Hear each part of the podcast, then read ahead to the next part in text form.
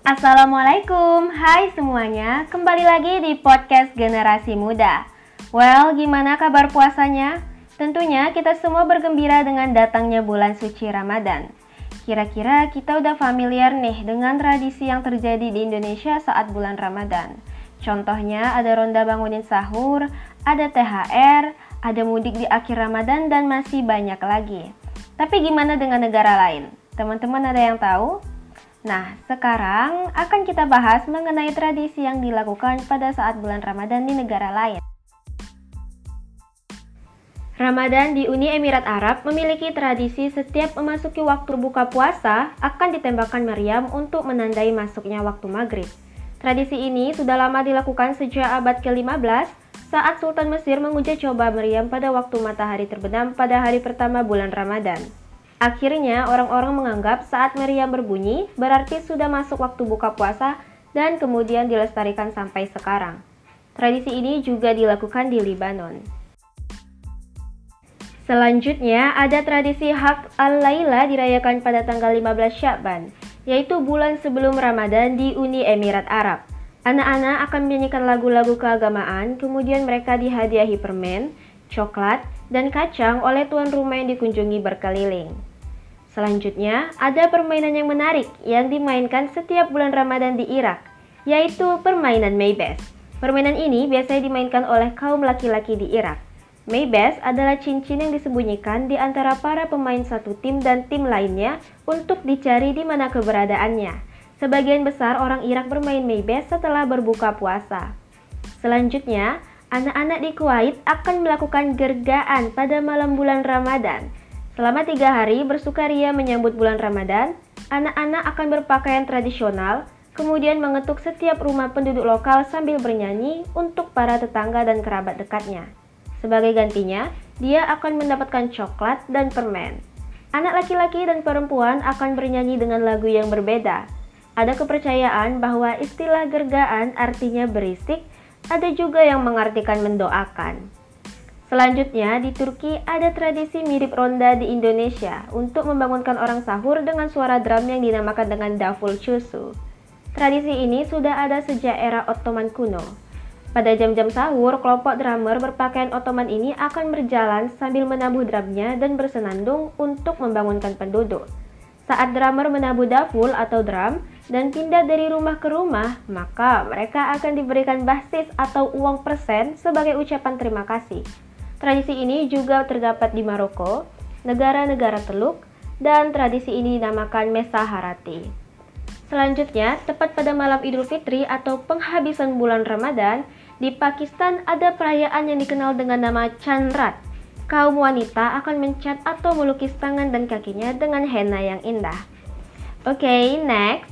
Ada tradisi membangunkan sahur juga terdapat di India yang dikenal dengan nama tradisi Sheheri Walas atau Zohrida.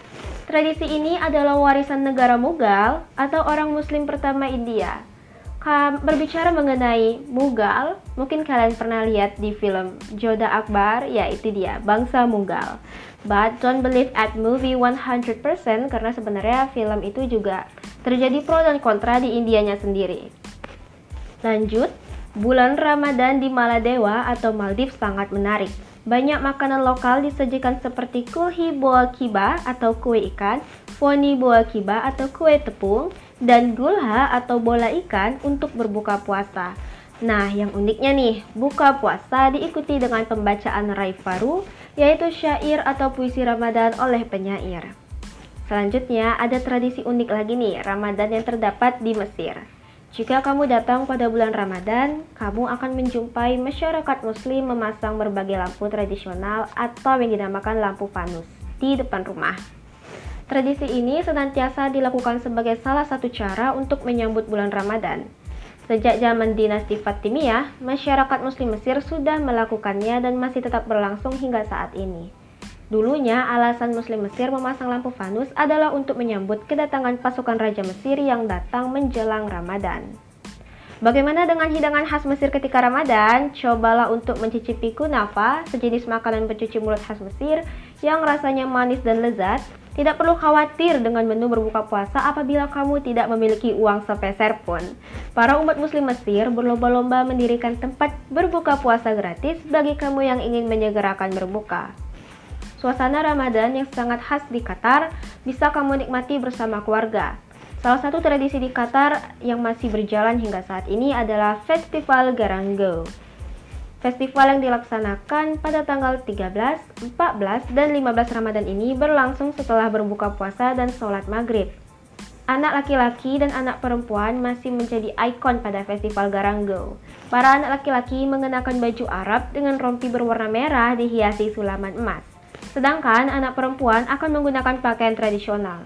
Pakaian anak perempuan yang disebut didasyas terlihat lebih menggemaskan karena warnanya cerah, ditambah dengan ikat kepala atau yang dinamakan buhnik. Namun, ada pula yang mengenakan hijab berwarna hitam transparan dengan hiasan benang emas. Apa yang unik dari festival Garango? Anak-anak yang sudah mengenakan pakaian tradisional dan berhias tersebut akan melakukan pawai. Mereka bernyanyi di sepanjang jalan yang ada di Qatar sambil mengunjungi rumah-rumah penduduk. Jika kamu kebetulan berada di Qatar, jangan lupa siapkan permen dan kue untuk diberikan pada anak-anak yang datang. Selanjutnya, tradisi unik Ramadan di Rusia. Tidak seperti di Indonesia yang durasi puasanya kurang lebih 14 jam, di Rusia kamu akan menjalani puasa dengan durasi hingga 17 jam. Namun, suasana Ramadan yang meriah tetap bisa kamu nikmati karena terdapat sekitar 8.000 masjid untuk memenuhi kebutuhan 20 juta muslim terutama sepersepuluh masyarakat muslim di Moskow. Menu berbuka puasa di Rusia hampir sama seperti Indonesia, yaitu kurma dan buah-buahan. Namun ada menu yang berbeda di Rusia yang cukup khas, seperti roti dari tepung berisi aneka makanan. Penyebutan nama roti didasarkan pada isiannya. Jika roti tersebut berisi labu atau keju, maka roti tersebut akan dinamakan kingals. Jika roti tersebut berisi gandum, maka orang-orang akan menyebutnya galnas.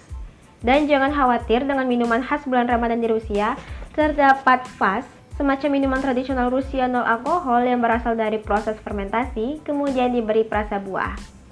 Oke, gimana? Apa teman-teman tertarik menjalani bulan suci Ramadan di negara-negara tersebut? Uh, udah bisa ya direncanakan dari sekarang, didiskusikan dengan keluarga.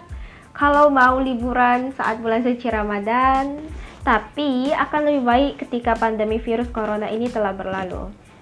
Baik, itu saja yang bisa kami sampaikan di episode kali ini. Sampai jumpa di episode selanjutnya. Wassalamualaikum warahmatullahi wabarakatuh.